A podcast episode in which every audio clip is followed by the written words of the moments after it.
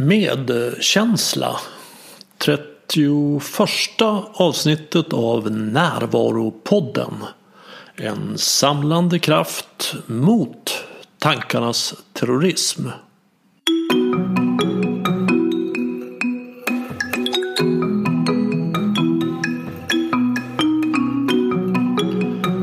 Det här är Bengt Renander. Först eh, vill jag puffa för föreläsningen om hur man kan stoppa tankarnas terrorism som jag håller i Stockholm den 4 april. Anmälan sker via fliken föreläsningar på min hemsida renander.nu. Att stoppa tankarnas terrorism och istället vara närvarande i verkligheten är ju grunden i allt jag gör. Och de som jag träffar här i podden ser jag som mina kollegor i det arbetet. Och det gäller i högsta grad dagens gäst Camilla Sköld. Camilla är doktor i neurovetenskap och är psykoterapeututbildad. Hon är grundare av Center for Mindfulness Sweden. Hon är en av få i världen med en Train the Trainers utbildning i MBSR från Center for Mindfulness. Hon är initiativtagare till och kursansvarig för mindfulnessbaserad stresshantering på Karolinska institutet på till exempel läkar-, sjukgymnast och psykologprogrammen. Camilla har också engagerat sig i Centrum för social hållbarhet vid Karolinska institutet och de arbetar för att skapa forskning, utbildning och spridning av medkänsla och altruism i samhället. Hon har utövat mindfulness och meditation i snart 20 år.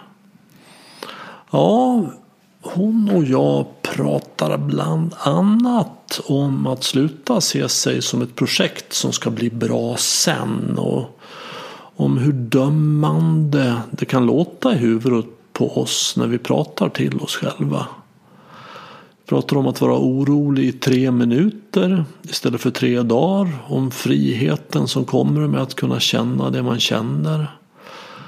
Och om att vara rädd för att inte ha något att säga om hur både närvaro och egodrama smittar. Om hur man kan aktivera sitt trygghetssystem, om värdet i att beröra sig själv kärleksfullt och om att övervinna rädslan för att känna eftersom det ju inte är farligt. Här är Camilla Sköld.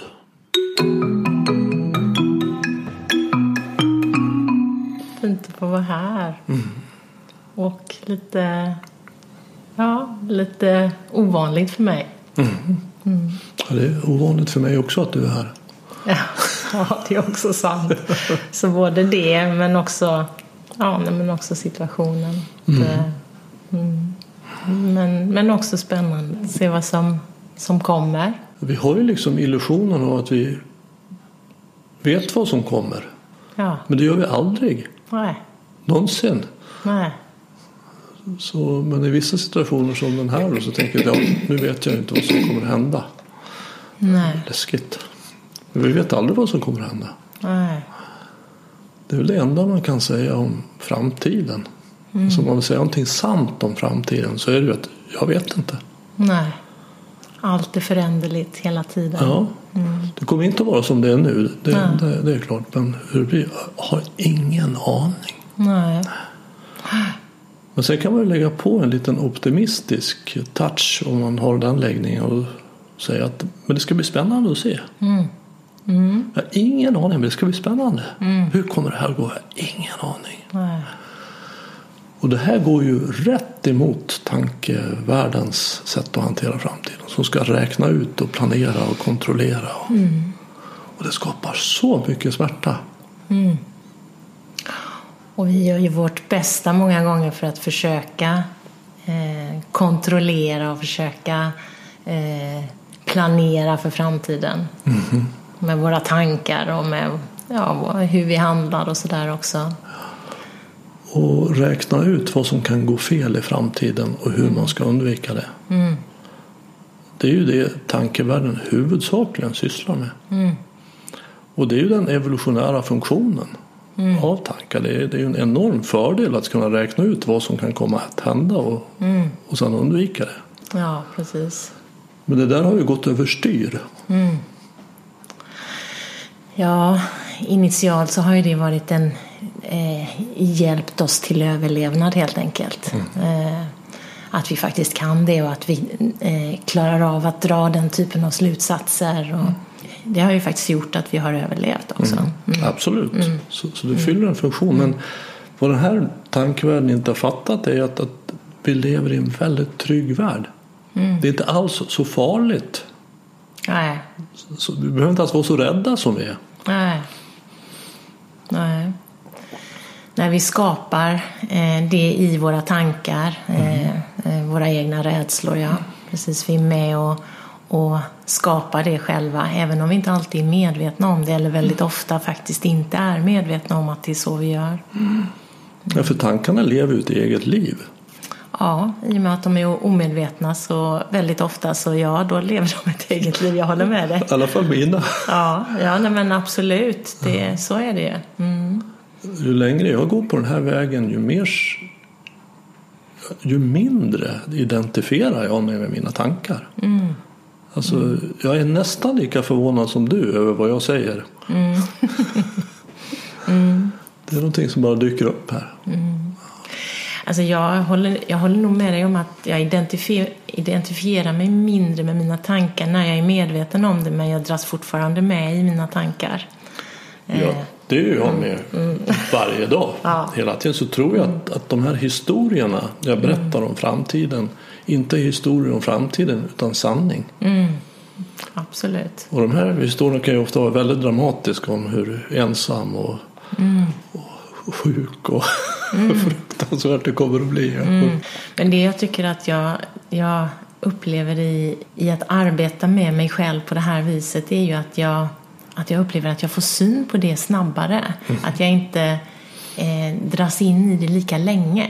Utan jag snabbare fångar mig själv och så kan jag liksom, ja men, hur är det nu egentligen? Liksom? Och så tillbaka till, ja nej, men egentligen kontakta närvaron. Ja, hur är det i verkligheten? Mm, skulle jag säga.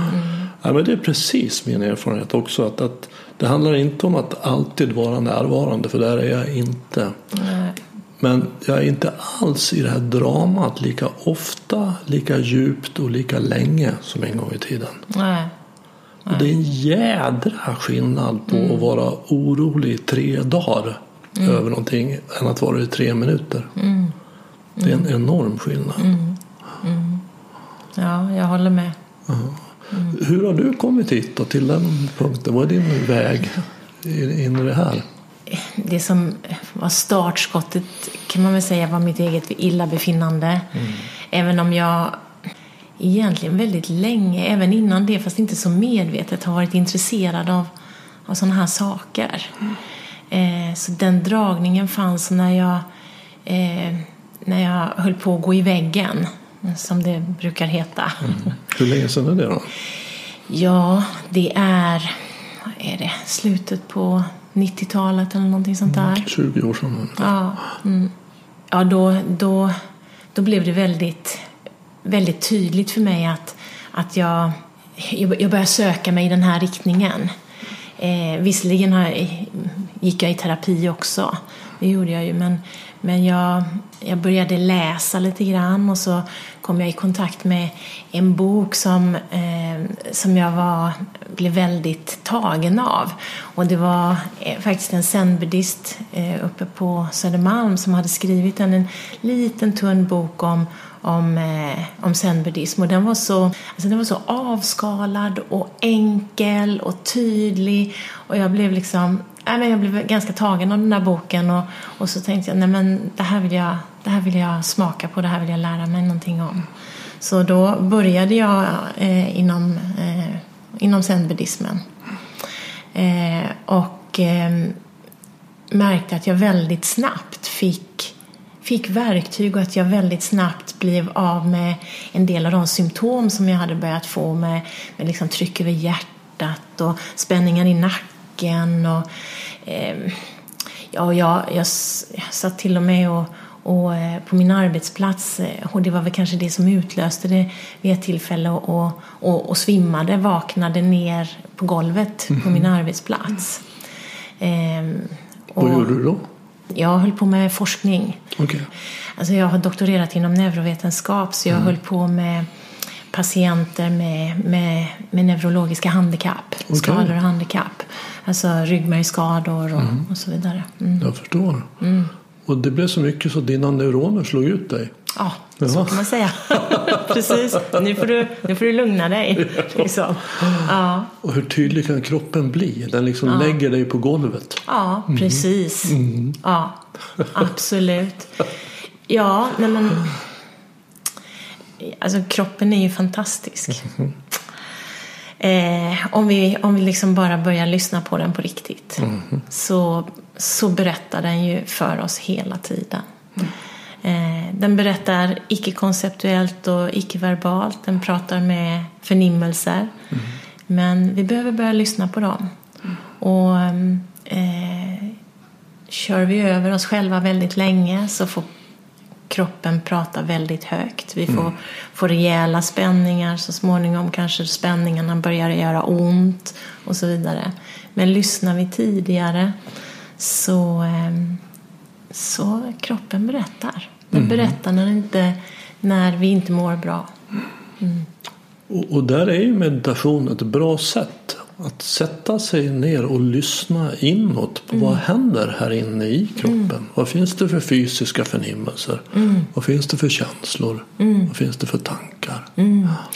Och också att, att både tankar och, och känslor, alltså emotioner, är fysiska förnimmelser. Mm. Så allting hänger ju ihop. Verkligen. Så när vi lyssnar till kroppen så lyssnar vi ju också till våra känslor och vi lyssnar till våra tankar. Och eh, även om jag brukar säga att tankarna är ju det som är mest subtilt i att få fatt i kroppen, men de finns i kroppen. Okay. Precis som, som eh, känslor finns. Känslor känns i kroppen. Mm. Och, och så, vi kan förnimma allting i kroppen, men vi, vi, behöver, vi behöver lära oss att lyssna på det sättet inåt. Mm. Mm. Jag, jag, brukar tänka att, att känslor är där tankar möter kroppen. Alltså en känsla har en tankemässig komponent ofta och en fysisk komponent. Men tillbaka till din historia. Du kom ja. in på zenbuddhismen och började meditera. Märkte jag ganska fort att det blev skillnad. Ja, absolut. Mm.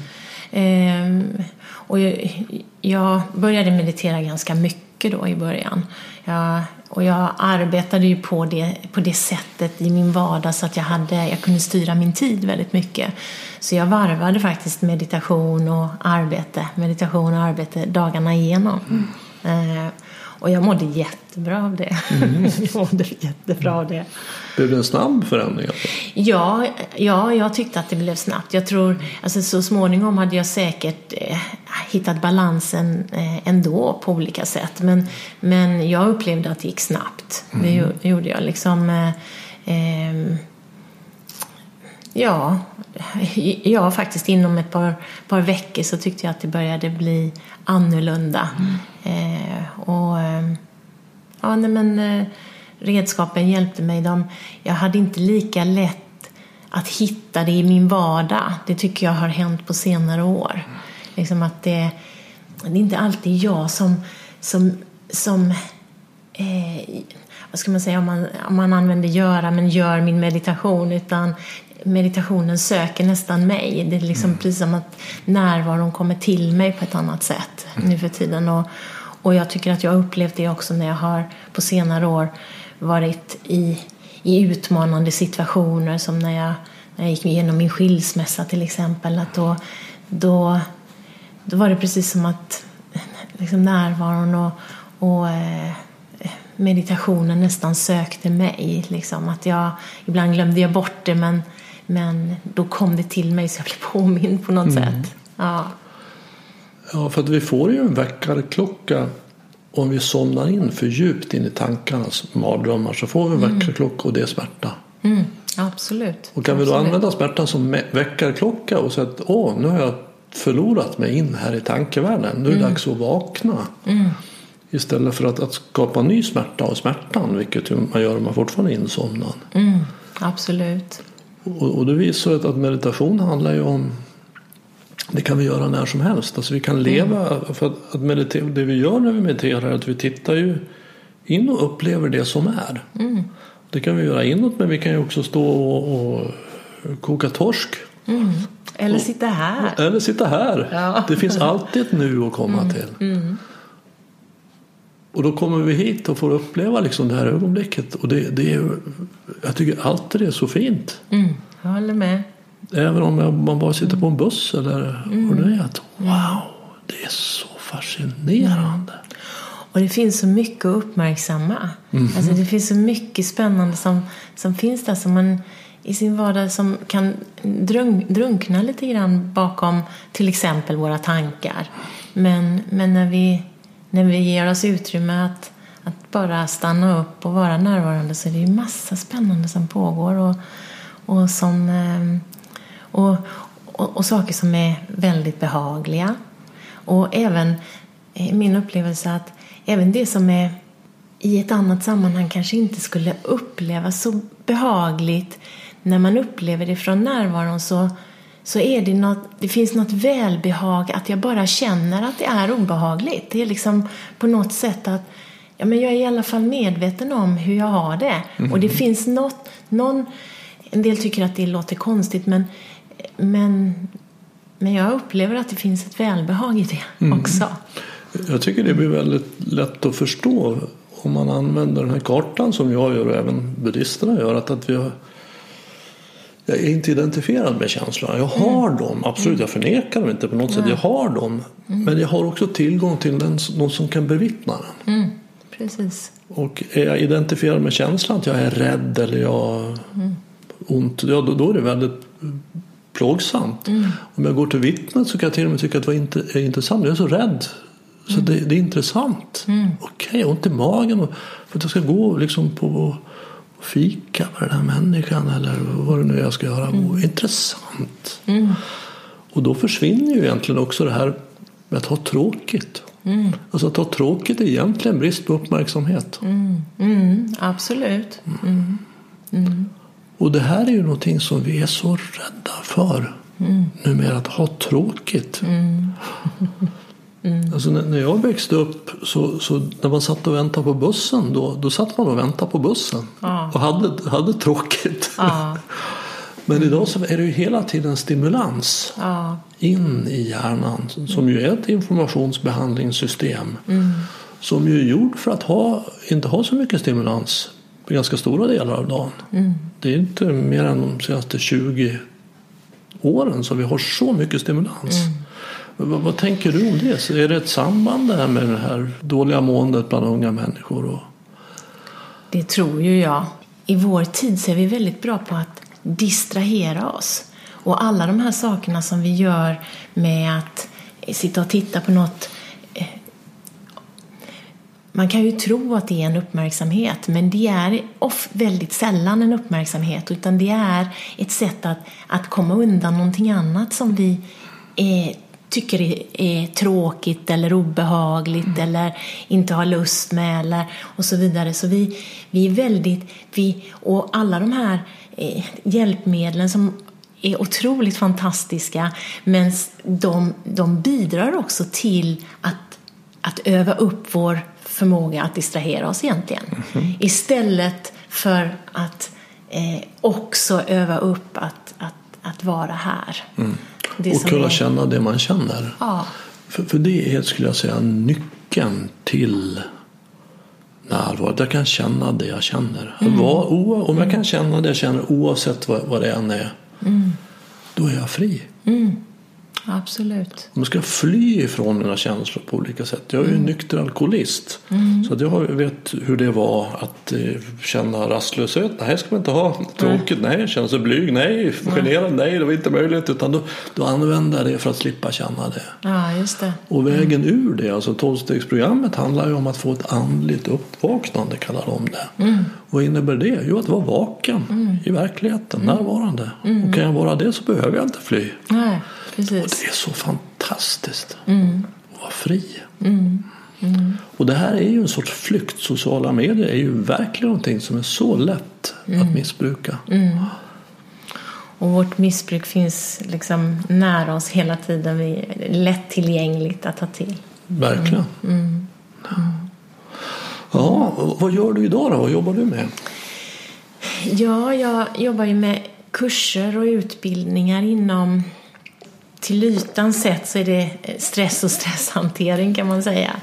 Men, eh, men eh, jag skulle ju säga att det eh, bortom det så är det ju egentligen om, eh, om att leva bättre helt enkelt. Eh, eh, livskunskap skulle jag säga att det handlar om i, grunden. Ja, och, och vad är det för livskunskap du lär ut? Ge, ge- ge mig lite livskunskap. Ja, nej men jag, jag arbetar ju då med program som hjälper till. Och de här programmen är, är ju... Eh, eftersom jag har hälso och sjukvårdsbakgrund så är det program som kommer därifrån, om man säger. Och jag, jag arbetar då dels med, med kurser och utbildningar i mer öppen regi, alltså där vem som helst kan, kan komma. Eh, och sen så jobbar jag då med lärarutbildningar som om man vill själv lära sig att hålla i sådana här eh, program. Jag har egentligen tre ben så det här är liksom det ena benet om man säger. Utbildningar. Ja, alltså utbildningar eller ö, öppna kurser och lärarutbildning. Eh, och sen så jobbar jag gentemot Karolinska institutet med, med studenter på eh, ger en eh, sju och en halv poängs kurs där i eh, mindfulnessbaserad metodik. Eh, och den, den är då både upplevelsebaserad och sen så har man liksom ett teoretiskt block. Eh, och sen så jobbar jag i inriktning mot grundläggande psykoterapeututbildning. Att få den här typen av redskap när man sen ska jobba med, med patienter.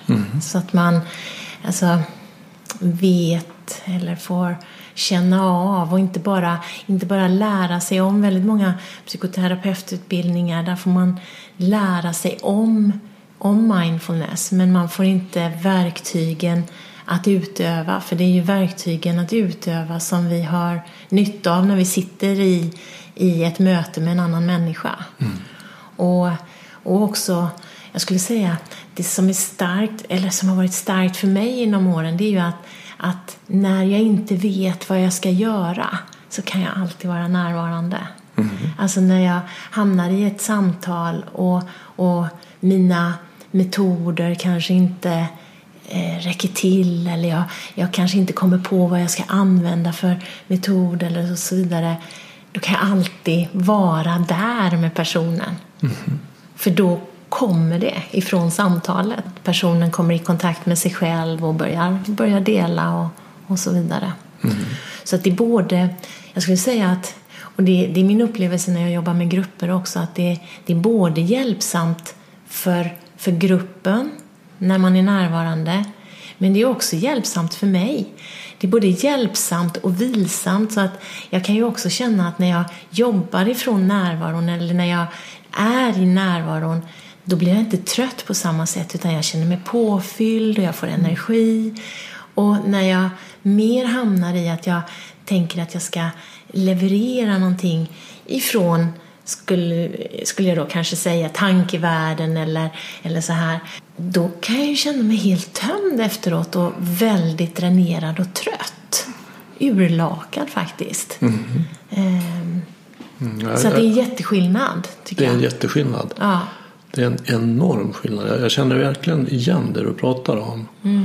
För att, att, när jag är förberedd så är jag ju det för att jag är rädd för att det inte ska gå bra. Mm. Så jag måste förbereda mig. Mm.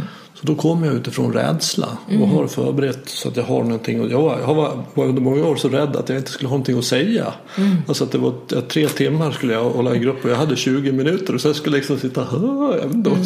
var ingenting att säga. Mm. Jag skulle förbereda då vad jag skulle säga varje minut i tre timmar eller varje kvart eller vad det var. Så då kommer jag ifrån rädsla och det skapar en typ av atmosfär mm. som är dränerande. Mm. Men numera så kan jag gå dit och, och sätta mig och säga okej, okay, vad gör vi här? Alltså, jag har en intention naturligtvis. Mm. Men att mer låta det växa fram. Mm. Och vad som sker då det är att folk i gruppen jag jobbar med de säger det som jag egentligen skulle vilja säga men de gör det på ett mycket bättre sätt. Mm. Så att när vi är klara efter tre timmar så sitter alla och tittar på varandra. Vad händer här? Mm. vi har skapat någonting tillsammans här. Mm. Absolut. Som jag har faciliterat. Mm. Men, men inte, jag hade aldrig kunnat förbereda det. Nej. Och det är en helt annan upplevelse. Mm. Ja, jag håller med. Det är verkligen en helt annan upplevelse. Och, och, det är ju skillnaden som blir utifrån att leva livet i närvaro eller i rädsla. Mm. För det är ju rädslan som drar bort oss ifrån närvaron. Mm. Absolut. Mm. Mm. Så det handlar om att våga vara mm. närvarande. Mm. Också i mötet med andra människor. Mm. På jobbet. Och... Mm. och närvaron eh, upplever jag också är eh, Närvaron hjälper mig att våga det jag inte vågar. Mm. Upplever jag. Berätta mer.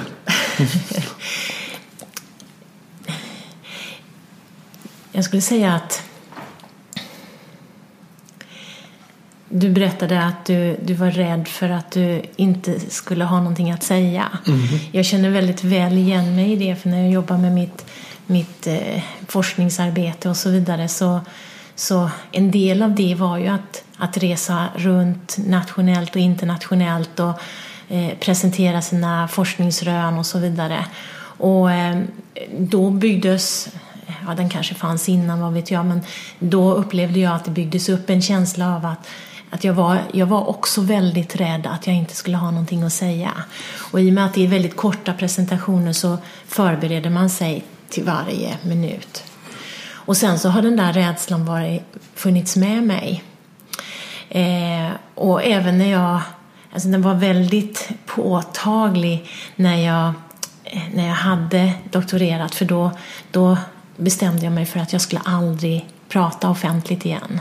Okay. Och aldrig hålla grupper eller, eller liksom föreläsa och så vidare. För det hade varit så plågsamt för mig så att jag, jag ville inte göra det mer. Mm. Men sen så kom jag då i kontakt med eh, de här programmen och eh, de här utbildningarna inom, inom mindfulnessbaserad metodik. Och då, då började det hända någonting annat. Eh, och jag jag började komma från en annan plats. Och då helt plötsligt så märkte jag att jag befann mig i att, att helt plötsligt hade jag börjat föreläsa igen eller, eller ha grupper igen och så vidare. Mm. Men, men den, där, den där rädslan fanns ändå med.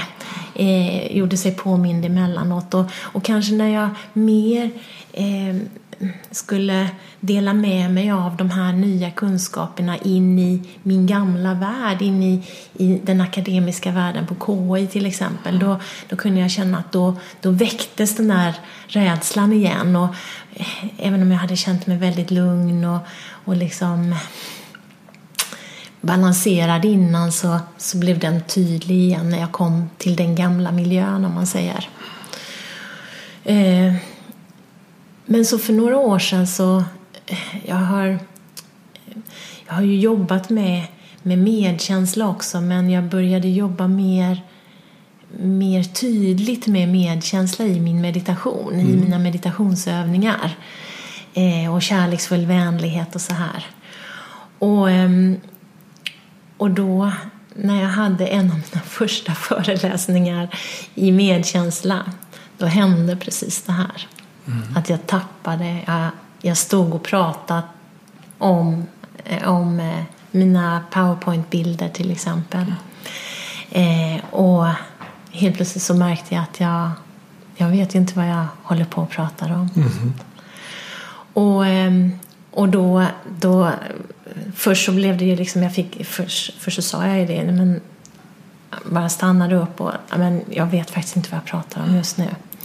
Och började med att slå ner blicken som man väldigt ofta gör när man, när man liksom känner att man skäms liksom. Eller känner skam. Ehm, och, eh, men sen så bestämde jag mig för att, att resa blicken. Och då fick jag kontakt med, med liksom gruppen. Och då var det en, en person i gruppen som, som frågade mig kan inte jag få ställa en fråga? Mm. Och så ställde den här personen mig en fråga. Och så började jag berätta. Och så kom jag på spåret igen. Mm. Så den här personen hjälpte mig egentligen att göra eh, vara medkännande med mig på ett sätt som jag i det ögonblicket inte riktigt hittade själv. Mm. Jag hittade att söka kontakten, mm. att eh, få kontakt.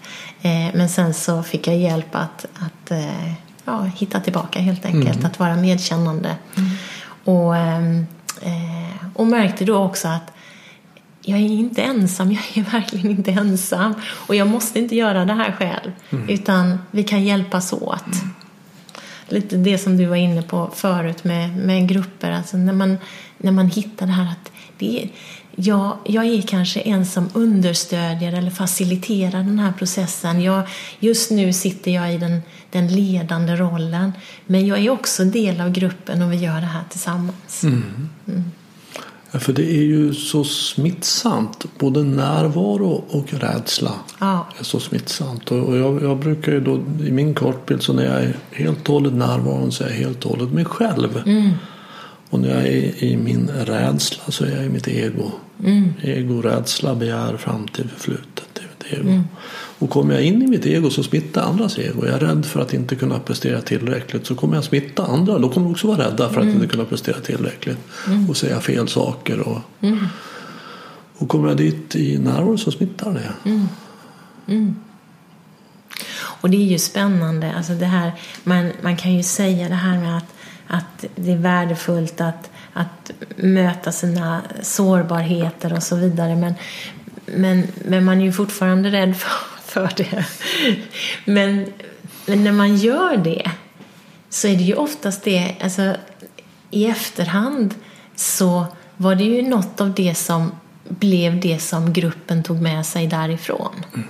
Alltså när jag inte hittade, det blev värdefullt för alla andra mm. hur det blev. Absolut. Ja, så att, så att vi, men vi behöver inte vara så rädda för det, men vi är ju det. Verkligen. Väldigt ofta. Mm. Rädda för att inte duga till, mm. att inte få vara med. Mm, precis. Och, och, det är ju, vi är ju flockdjur. Mm. Så, så, det var ju inte länge sedan som det Nej. var lika med döden att inte få vara med. Precis. Och så har det varit i hela vår historia. Så att det, mm. det, är, ju, det är ju begripligt. Mm.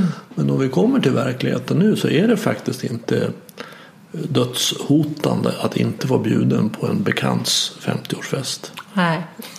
Även om man ser det då på Facebook att de där var bjudna men jag var det inte. Man kan känna till dödsångest så får man komma ihåg att det är helt ofarligt. Mm, absolut.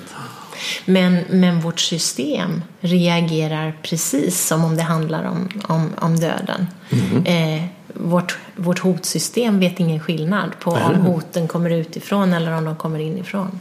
Nej, Mm. Och, det är viktigt att komma ihåg då, att, att mm. bör kolla, kom, finns det en björn här nu som anfaller mig just nu eller är det min bekants 50-årsfest som mm. tankar, ja, det är ju det, okej, okay, det är inte farligt bra. Mm. Ah, då mm. tar jag en kopp te. Och det är, där, det, det är ju där närvaron och, och, meditationen kan hjälpa oss. Att få syn på, ja men det är ett kalas här och det är inte ett, ett livshot. Nej. Eh, så att, så att vårt hotsystem naturligt kan få lägga sig. Mm. Alltså vår stressreaktion naturligt kan få lägga sig. För den gör det av sig själv. Den, den liksom pikar och ebbar ut av sig själv. Om vi inte föder den med mer tankar. Precis, om vi inte föder den med mer ja. tankar. Ja. Precis. Ja, det är, det är mm. nästan omöjligt att vara arg längre än 30 sekunder om man mm. inte föder det med tankar. Då kan den ju också födas av att, att vi börjar känna någonting i kroppen och så kanske vi blir oroliga över det som vi känner i kroppen så föder vi, alltså, så det, det, kan, det kan födas från många håll eller liksom eh, födas eller späs på från många håll om man säger. Absolut, tankar väcker känslor som väcker fysiska förnimmelser som väcker nya tankar som väcker nya Ja. fysiska förnimmelser som väcker känslor som Precis, så det snurrar runt. Mm, absolut. snurrar runt i en tornado, brukar Mm. jag kalla det. Och man ska ju komma ihåg då att i centrum av en tornado är det helt stilla. Precis. Så vad vi håller på med är ju att hitta till den stilla platsen i centrum av den här tornadon. Och det finns alltid där. Mm, den finns alltid där. Ja, men många människor hittar ju aldrig dit. Nej, Jag gjorde ju inte det heller förut, så jag vet ju precis hur det är. absolut. Jag med. Jag med. Jag är så tacksam över att kunna göra det. För det mesta. ja, du, du pratar om medkänsla. Det är någonting också som jag skulle ha pratat med dig om. Ja. Vad, vad, berätta lite mer om det. Vad, vad är det? Medkänsla? För jag vet att du pratar om medkänsla med andra är ju det första man tänker på. Men du pratar också om medkänsla med sig själv. Ja, absolut. Vi le lever ju i en tid där, där, eh, där man också ser att mycket av det eh, psykiska illabefinnandet handlar väldigt mycket om att vi, vi är rätt hårda mot oss själva. Jag är inte okej som jag är. Så vi är på att hacka på oss själva. Och när vi är på att hacka på oss själva, då är vi ju både, då är vi både förövare och offer själva. Och, ehm, eh, och det kan vi ju vara på, på väldigt många sätt. Att vi, vi, eh, ja, vi kanske inte tycker att jag tränar för lite eller jag äter för dåligt. Eller jag, liksom, vi lever på något sätt i en tid när vi blir våra egna projekt. Och det är väldigt lätt att börja göra, även när man börjar med att meditera eller, eller eh, göra yoga till exempel, eller sådär, att det, att det också blir någon slags del av ens projekt, eh, projektet mig själv på något sätt. Mm, så ska bli klar någon gång. Ja men precis. Så att jag kan bli lycklig då Ja men precis. sen. Ja, absolut. Och jag är klar. Ja, ja. Och ehm, så, så väldigt tidigare så sa man, man sa ju, och det, det finns väl inom, det är väl från kristendomen tror jag, liksom att behandla, behandla andra som sig själv. Men, men nu för tiden så brukar vi få vända på perspektivet. Behandla dig själv som du behandlar andra. För vi är rätt dåliga på att behandla oss själva väl. Och, och då, då brukar man prata om att börja med, med medkänsla gentemot sig själv. Okej, och hur gör man då? då? När vi är medkännande med oss själva så, så aktiverar vi någonting som, som är vårt trygghetssystem. Och för att aktivera det så, så eh, finns det olika saker som är till vår hjälp. Och det kan man säga är allt det som vi får med oss i bästa fall. Alla, man ska veta att inte alla har fått det med sig men, men i bästa fall får man det med sig som, som spädbarn av sina föräldrar eller sina vårdpersoner. Eller av någon annan som finns i ens närhet. Men, men allt det som man gör, hur man berör spädbarn, hur man, hur man talar till dem, hur man eh, tittar på dem, egentligen med alla våra sinnen hur, hur vi är Eh, det har visat sig att det aktiverar vårt trygghetssystem och vi får en oxytocinfrisättning som är vårt må bra-hormon kan man säga. Eh, att vi blir lugna och, och eh, mår bra. Men skulle du säga då att, att vad barnet lär sig är att få en förmåga att trösta sig själv, att göra sig själv lugn? Precis. Så allt det som vi har fått ursprungligen som aktiverar vårt trygghetssystem som är ett nedärvt system på samma sätt som vårt hotsystem är nedärvt. Eh, det eh, kan vi då lära oss att aktivera själva med de här ingångarna, de här olika sinnliga ingångarna. Till exempel att vi berör oss själva med medvetenhet, att man bara lägger händerna på sig själv någonstans på, på kroppen till exempel. Eh, om vi gör det med avsikt så kommer vi att aktivera vårt trygghetssystem. Något annat som också aktiverar vårt trygghetssystem det är hur, hur låter vi inne i vårt eget huvud när vi pratar med oss själva är vi på att hacka på oss själva och är ganska hårda? Hur, låter, hur är tonläget inne i huvudet? Så tonläget spelar mer roll egentligen än vad vi säger till oss själva. Så är vi hårda, låter vi hårda och skarpa på rösten i oss själva så aktiverar det vårt hotsystem. Vår stress drar igång och håller vi på och kritiserar oss själva väldigt mycket så är nästan vårt hotsystem aktiverat hela tiden. Stressen är aktiverad nästan hela tiden så vi går med en, en ständigt förhöjd inre stress. Så medkänsla är hur, hur möter jag det som jag upptäcker i den medvetna närvaron, det som pågår i mig i tankar, känslor och det som pågår i kroppen. Hur möter jag det? Hur möter jag det då, för att vara medkännande? Ja, för att vara medkännande så möter jag det med, med, med medkänsla, med vänlighet, med att, att, eh, att, att liksom bekräfta mig själv, eller man ska säga, att säga men det där är smärtsamt, det gör ont, det jag befinner mig i nu gör ont, det som du sa till mig gjorde ont. Mm. Att liksom vara medveten om att det, att det gör ont. Mm. Så att, eh, för då, när jag blir medveten om att det gör ont och, och håller om mig själv på det viset och Mm, jag ser att du lägger båda händerna över bröstet lägger, här. eh, Nu blir det så när vi sitter här och pratar. Det blir lite, på lite olika ställen beroende på. Men då, då, då signalerar jag till mig själv att jag är, jag är här för dig. Jag är här med mig själv. Och, då, och då lugnar sig. Då får jag också oxytocinfrisättningen och så lugnar sig mitt system. Och, så jag, och det gör också då att jag blir lätt, har lättare att, för, att fortsätta att vara närvarande. Mm. Så de understödjer varandra. Absolut. Mm. För de här tankegenererade känslorna drar ju verkligen bort oss. Mm. De skapar ju så mycket rädsla och, om att jag inte duger till. Så att när jag står framför spegeln och, och naken och säger att fan vad tjock jag har blivit. Åh, Bengt. Du är så tjock är du inte. Du är okej. Ja, eller kanske till och med säga så här. Vad ont det gör när jag säger så till mig själv. Ja, ja, ja, just det. Alltså att, den här hårda, att identifiera den här åklagaren ja, precis. som är stenhård. Ja. Ja, jag har ju, jag har jobbat med det här i 20 år nu med, med klienter och jag har ju hört många olika. Man får ju höra hur det låter i huvudet på folk och, och några som det låter fruktansvärt i enligt min erfarenhet är anorektiker. Ja, Alltså den rösten som finns i dem är så skoningslöst stenhård. Det finns ingen medkänsla. nej.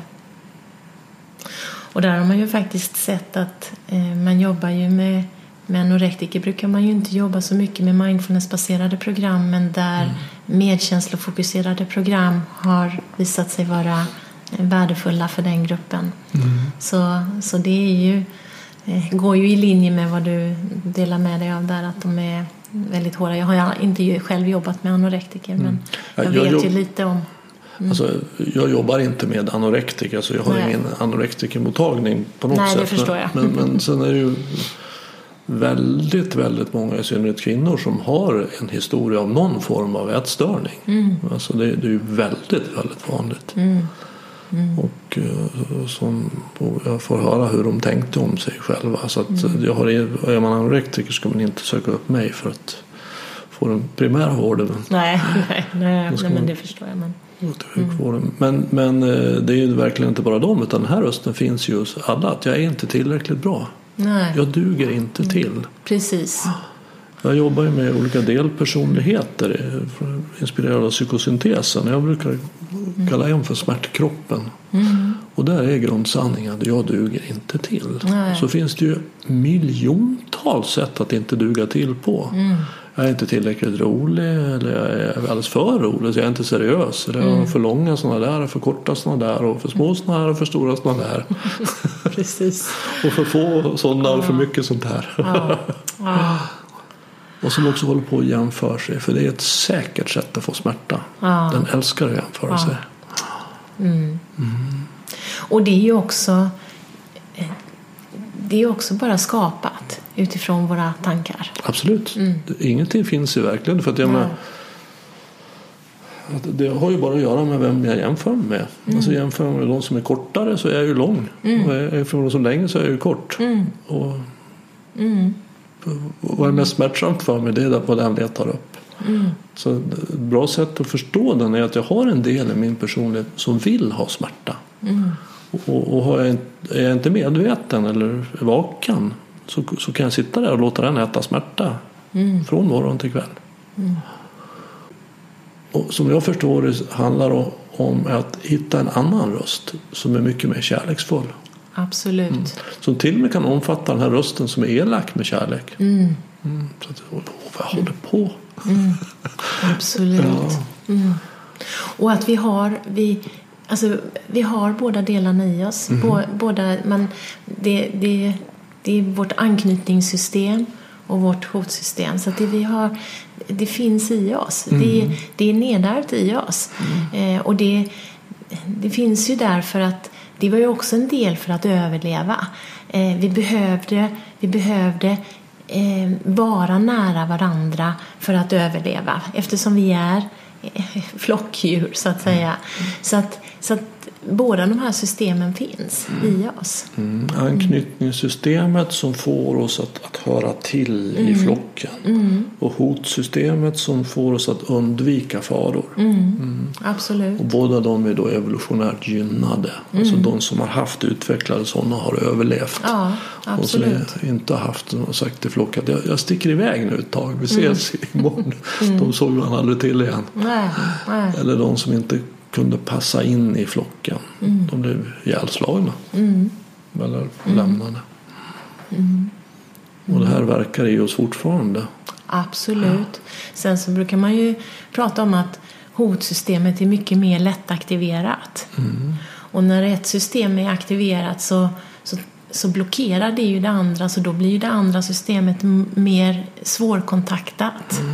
Så att det, det också, som meditation också gör, det är ju att vi får snabbare syn på när vårt hotsystem är aktiverat så att det kan få ha sin naturliga eh, gång och få lägga sig och då kan vi söka kontakt och aktivera vårt, vårt trygghetssystem. Intressant.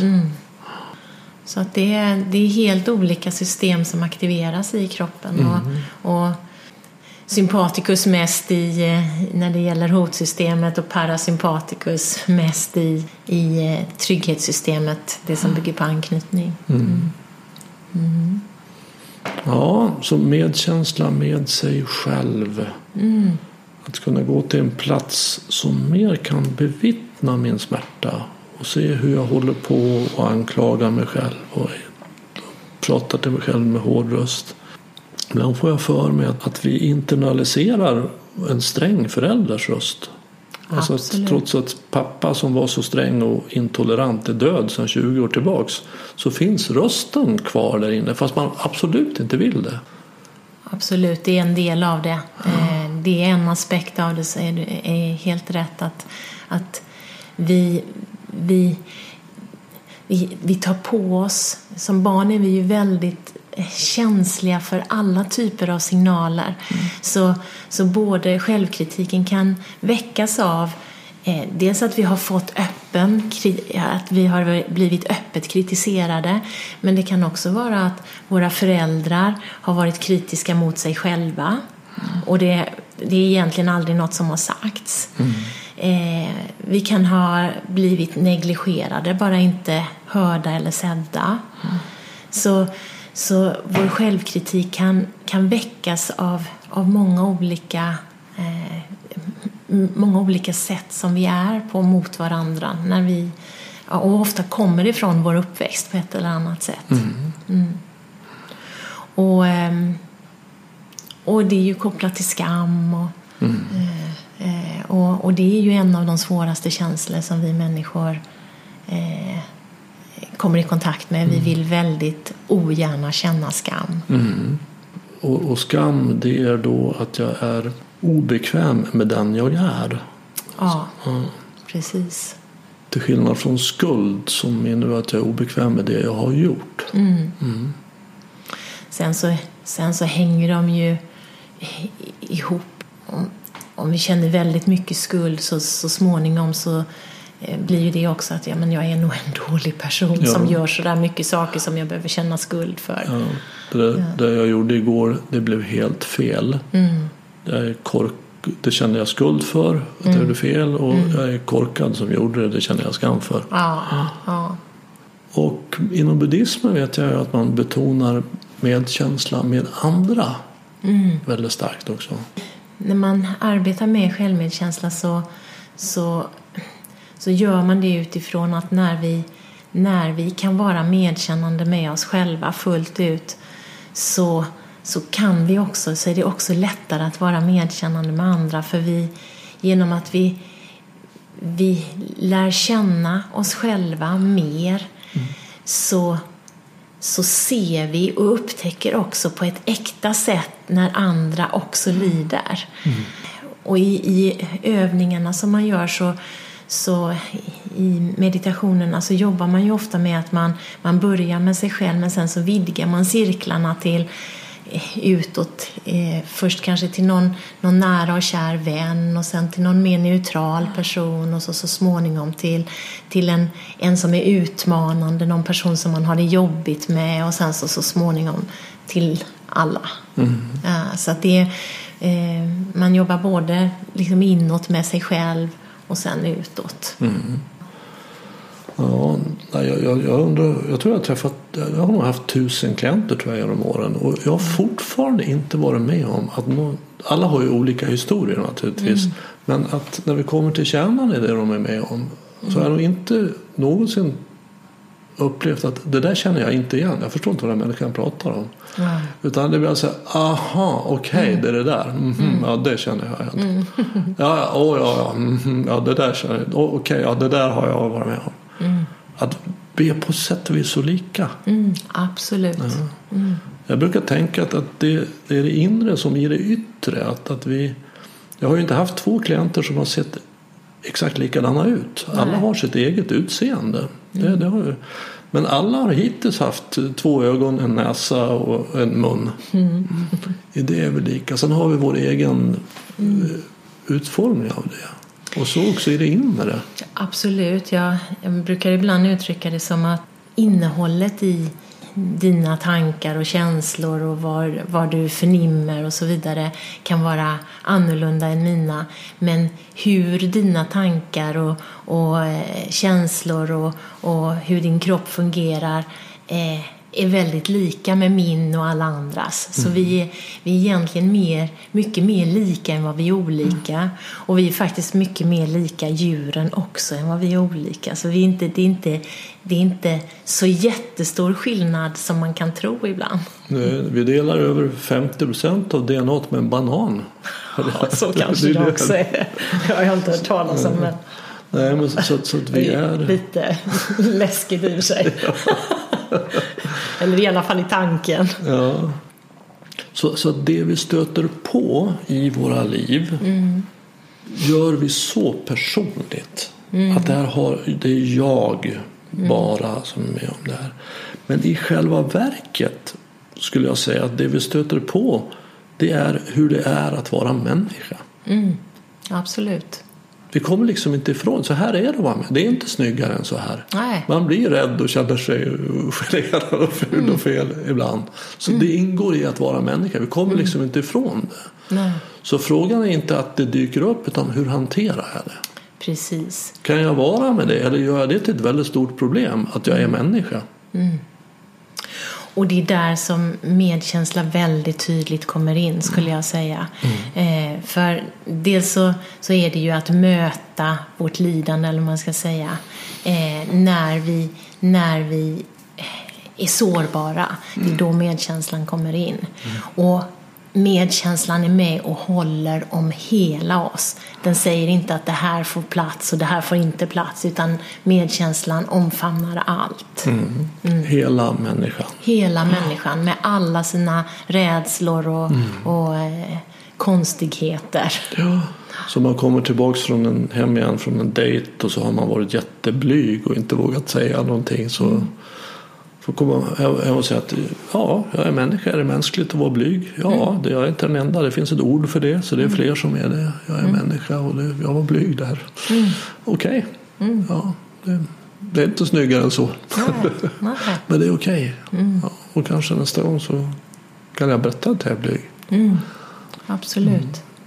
Och och ehm, ju svårare någonting är desto mer behöver vi möta oss själva med den här varsamheten och vänligheten och kärleksfullheten.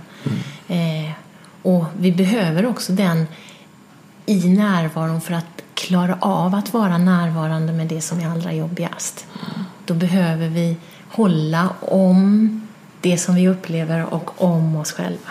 Mm.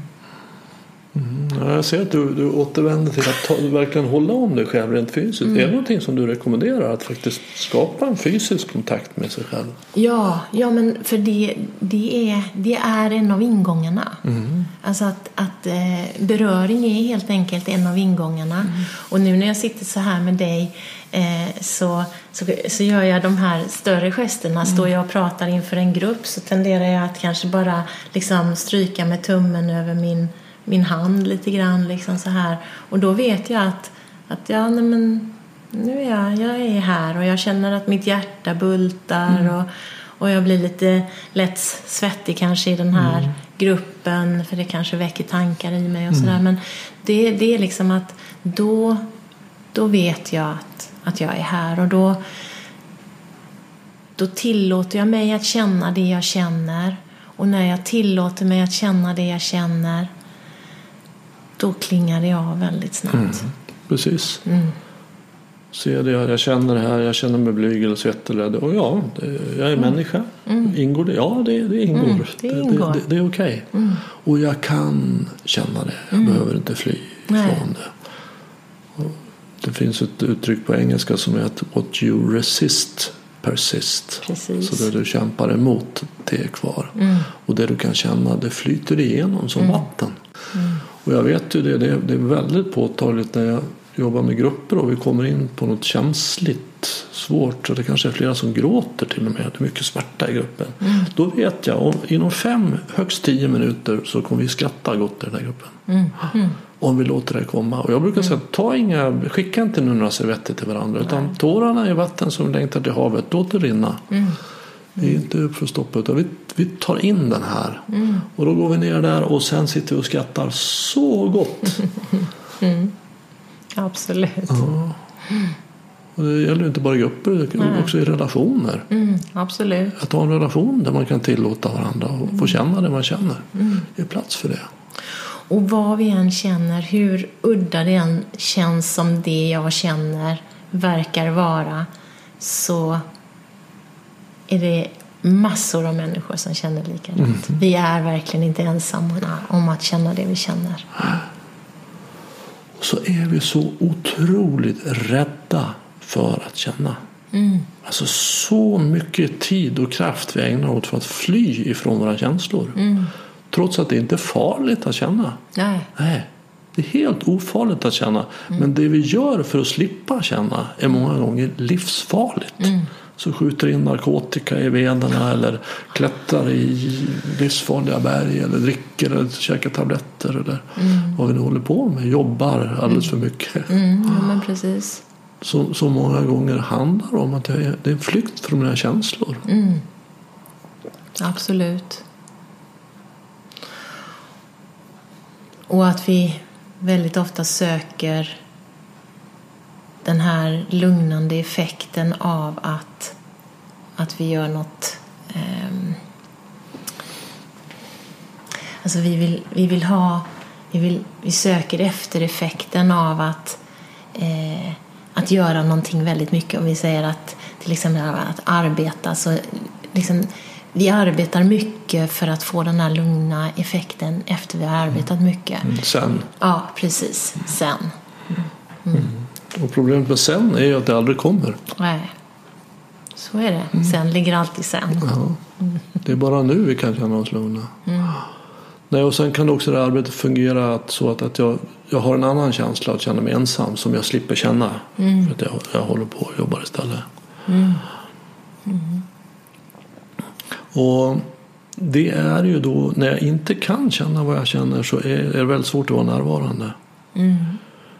Alltså, jag, jag tänker att när man befinner sig i drama, eller egentligen alltid, men i synnerhet när man befinner sig i drama och man tycker att jag vill inte vara så fruktansvärt, jag vill ut därifrån. Så finns det en, alltid en nödutgång. På samma sätt som i bio så, så står det ut nöd, en grön skylt. Det finns, den finns alltid där.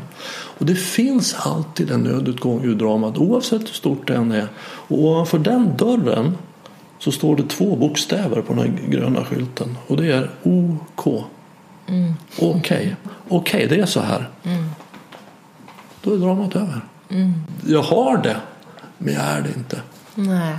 Det är okej, jag, jag känner mig blyg och generad här nu efter den där mycket underliga dejten. Okej, det går bra. Att, att vi är okej är, ju, är, är ju absolut en ingång. Men, men där är ju också det här att, att bara bli medveten om att jag är okej. Alltså närvaron igen, som vi har varit inne på. Liksom, att, att, ehm, att bara låta det som är få vara som det är. Ja, mm. för närvaro och acceptans hör ju intimt samman. Det är väldigt svårt att vara närvarande utan acceptans. Jag sitter och retar upp mig på att kylskåpet låter där borta. Mm, fan, det borde inte... Mm. Det låter okej. Mm, det ingår Så också. kommer, ja, så kommer jag hit. Jag tänkte på någonting som du, för du har återkommit några gånger till det här med bevittnandet. Alltså är man i kontakt med bevittnandet så, så är det oproblematiskt men ibland när man tänker om bevittnandet så, så uppstår ibland missuppfattningar eh, upplever jag.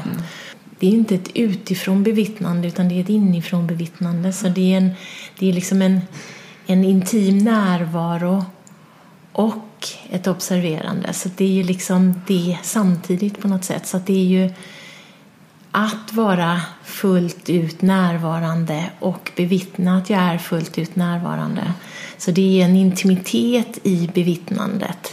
Det är liksom inte ett utifrån kallt bevittnande. För det kan ju göra att man istället distanserar sig från, eh, från det som är. Det skulle jag kanske snarare kalla för ett avståndstagande egentligen. Men jag förstår precis vad du menar. Och en annan sida som man, nu, som man brukar få som kritik till att gå till det här vittnet är att, att ska man bara sitta och titta på allting. Mm. Ska man inte delta. Men det är ju det här bevittnandet som gör att man faktiskt kan delta på riktigt. Mm. Jag brukar tänka om man är i ett, ett stort rum med massor av folk och så börjar det brinna i papperskorgen i hörnet. Så slår upp lågor alla begrips av panik. Ja, we're all gonna die! Och kastar sig ut och börjar trängas och folk bryter ihop. Och nej, ja, så precis har gift mig. Och det var totalt kaos. Men det, sitter, det räcker med att det sitter en i rummet som säger, som säger så att det brinner i papperskorgen. Okej. Det tror jag går att lägga på lock. Och gör det. Så det här bevittnandet, vakenheten gör ju att man kan bli handlingskraftig i verkligheten. Det är ingen passiv kall plats. Det är en Nej, i hög grad närvarande varm plats. absolut. Ja. Så det är ingen kylig kritiker, Nej, det här vittnet. nej. Utan det är mycket varm, kärleksfull. Plats som vågar vara i verkligheten, som inte är på flykt. nej. Från vare sig mig själv eller andra. Det, det är min bild. Min upplevelse av, av bevittnandet är ju liksom att all, allt finns där. Då, då kommer kärleken spontant. Alltihopa är, det bara, det bara är självklart. Enkelt, okomplicerat.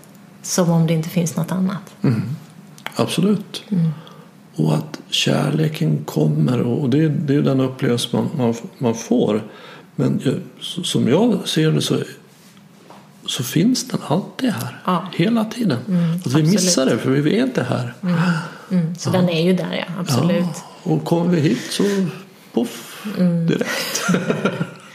Så eh, ibland brukar jag skoja med mina deltagare och säga att när de kommer på kurs så handlar det egentligen inte om stressreduktion utan det är liksom en avklädningskurs. Alltså det, för vi klär av oss våra föreställningar om oss själva och kommer i kontakt med det som alltid finns där. Ja, så det handlar inte om att, att förändras för att bli någon annan bättre version utan det handlar om att bli den man egentligen alltid har varit. Absolut. En avklädningskurs. Ja. Ja, fint. Något som jag är nyfiken på, för jag, jag, jag- förstår att du rör dig också i, i den akademiska världen. Och, och hur, hur ser man på det här? Börjar mindfulness närvaro, börjar det tränga in eller ser, ser man en sån som dig med skepticism? Det är en jätteskillnad nu jämfört när jag började. För den kursen som jag, har givit på KI sen, sen 2007. När den kom in så väcktes det med ganska mycket skepticism. Och det var, det var... Jag hade några ingångar där de var positiva som gjorde att det var liksom blev ens möjligt att göra det här. För det var, var ju liksom, på den tiden var det lite stort att, att den här kursen kom in på KI och som en, en kurs som är en del av de reguljära utbildningsprogrammen. Så det är inte en fristående kurs som man kan liksom vifta undan när det inte finns några pengar kvar. Utan den här är del av, av de reguljära grundutbildningsblocken. En valbar visserligen, men inom ramen för, för grundutbildningsblocken. Jag har mött, mötts av kritik i början. Vad är det för kritik du får då? Ja, men att, att det liksom, vad är det här för flum och det finns ingen vetenskap bakom det och den vetenskap som finns den håller för dålig kvalitet och, och ja, alltså mycket kritik. Sen så har ju forskningen blivit allt stabilare och nu är ju de program som jag arbetar med, de är ju i, i dagsläget eh, evidensbaserade.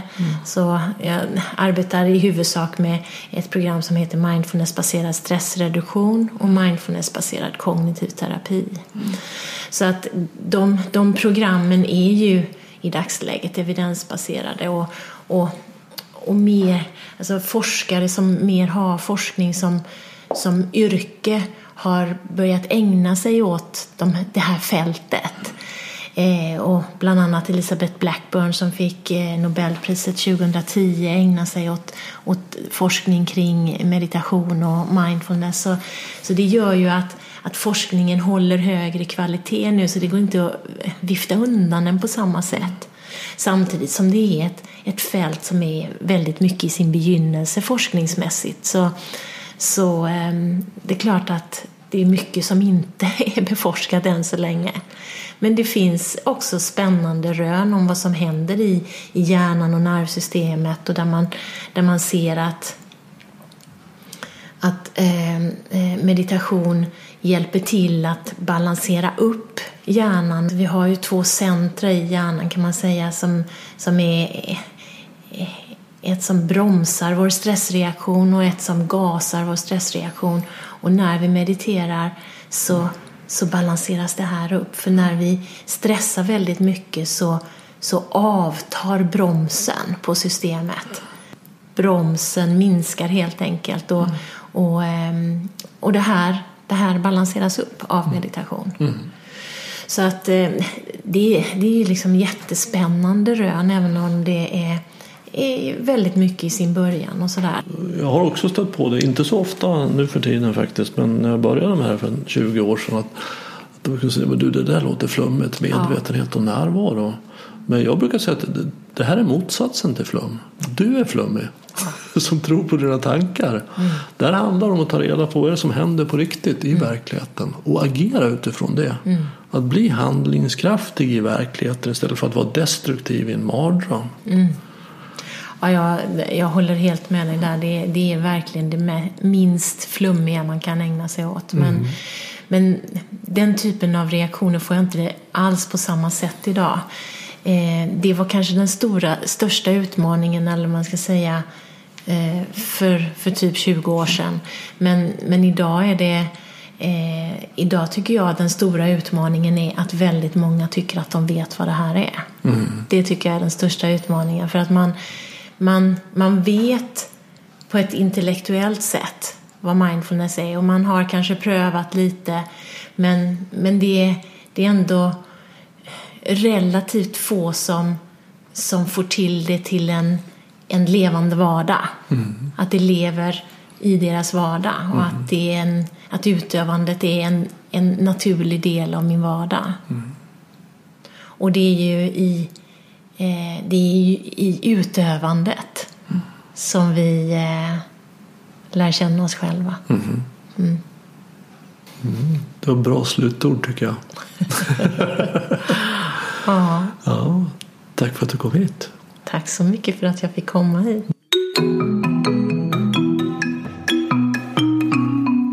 Om du vill komma i kontakt med Camilla och undersöka hennes stora utbud av kurser och föreläsningar så finns en länk till hennes hemsida i anslutning till poddavsnittet på min hemsida renander.nu. Vill du stödja podden i kampen mot tankarnas terrorism så gör du det genom att tipsa om att den finns till vänner och bekanta. Och det är också hjälpsamt om du betygsätter och skriver kommentarer på iTunes. Desto fler vi är som är vakna i verkligheten, ju mer kan vi ju förändra den på riktigt. Och vet du någon som arbetar med att stödja andras närvaro och som du tycker borde vara med här så tar jag tacksamt emot tips. Tveka inte att kontakta mig och enklast gör du det via kontaktformuläret på min hemsida renander.nu. På återhörande och du var uppmärksam.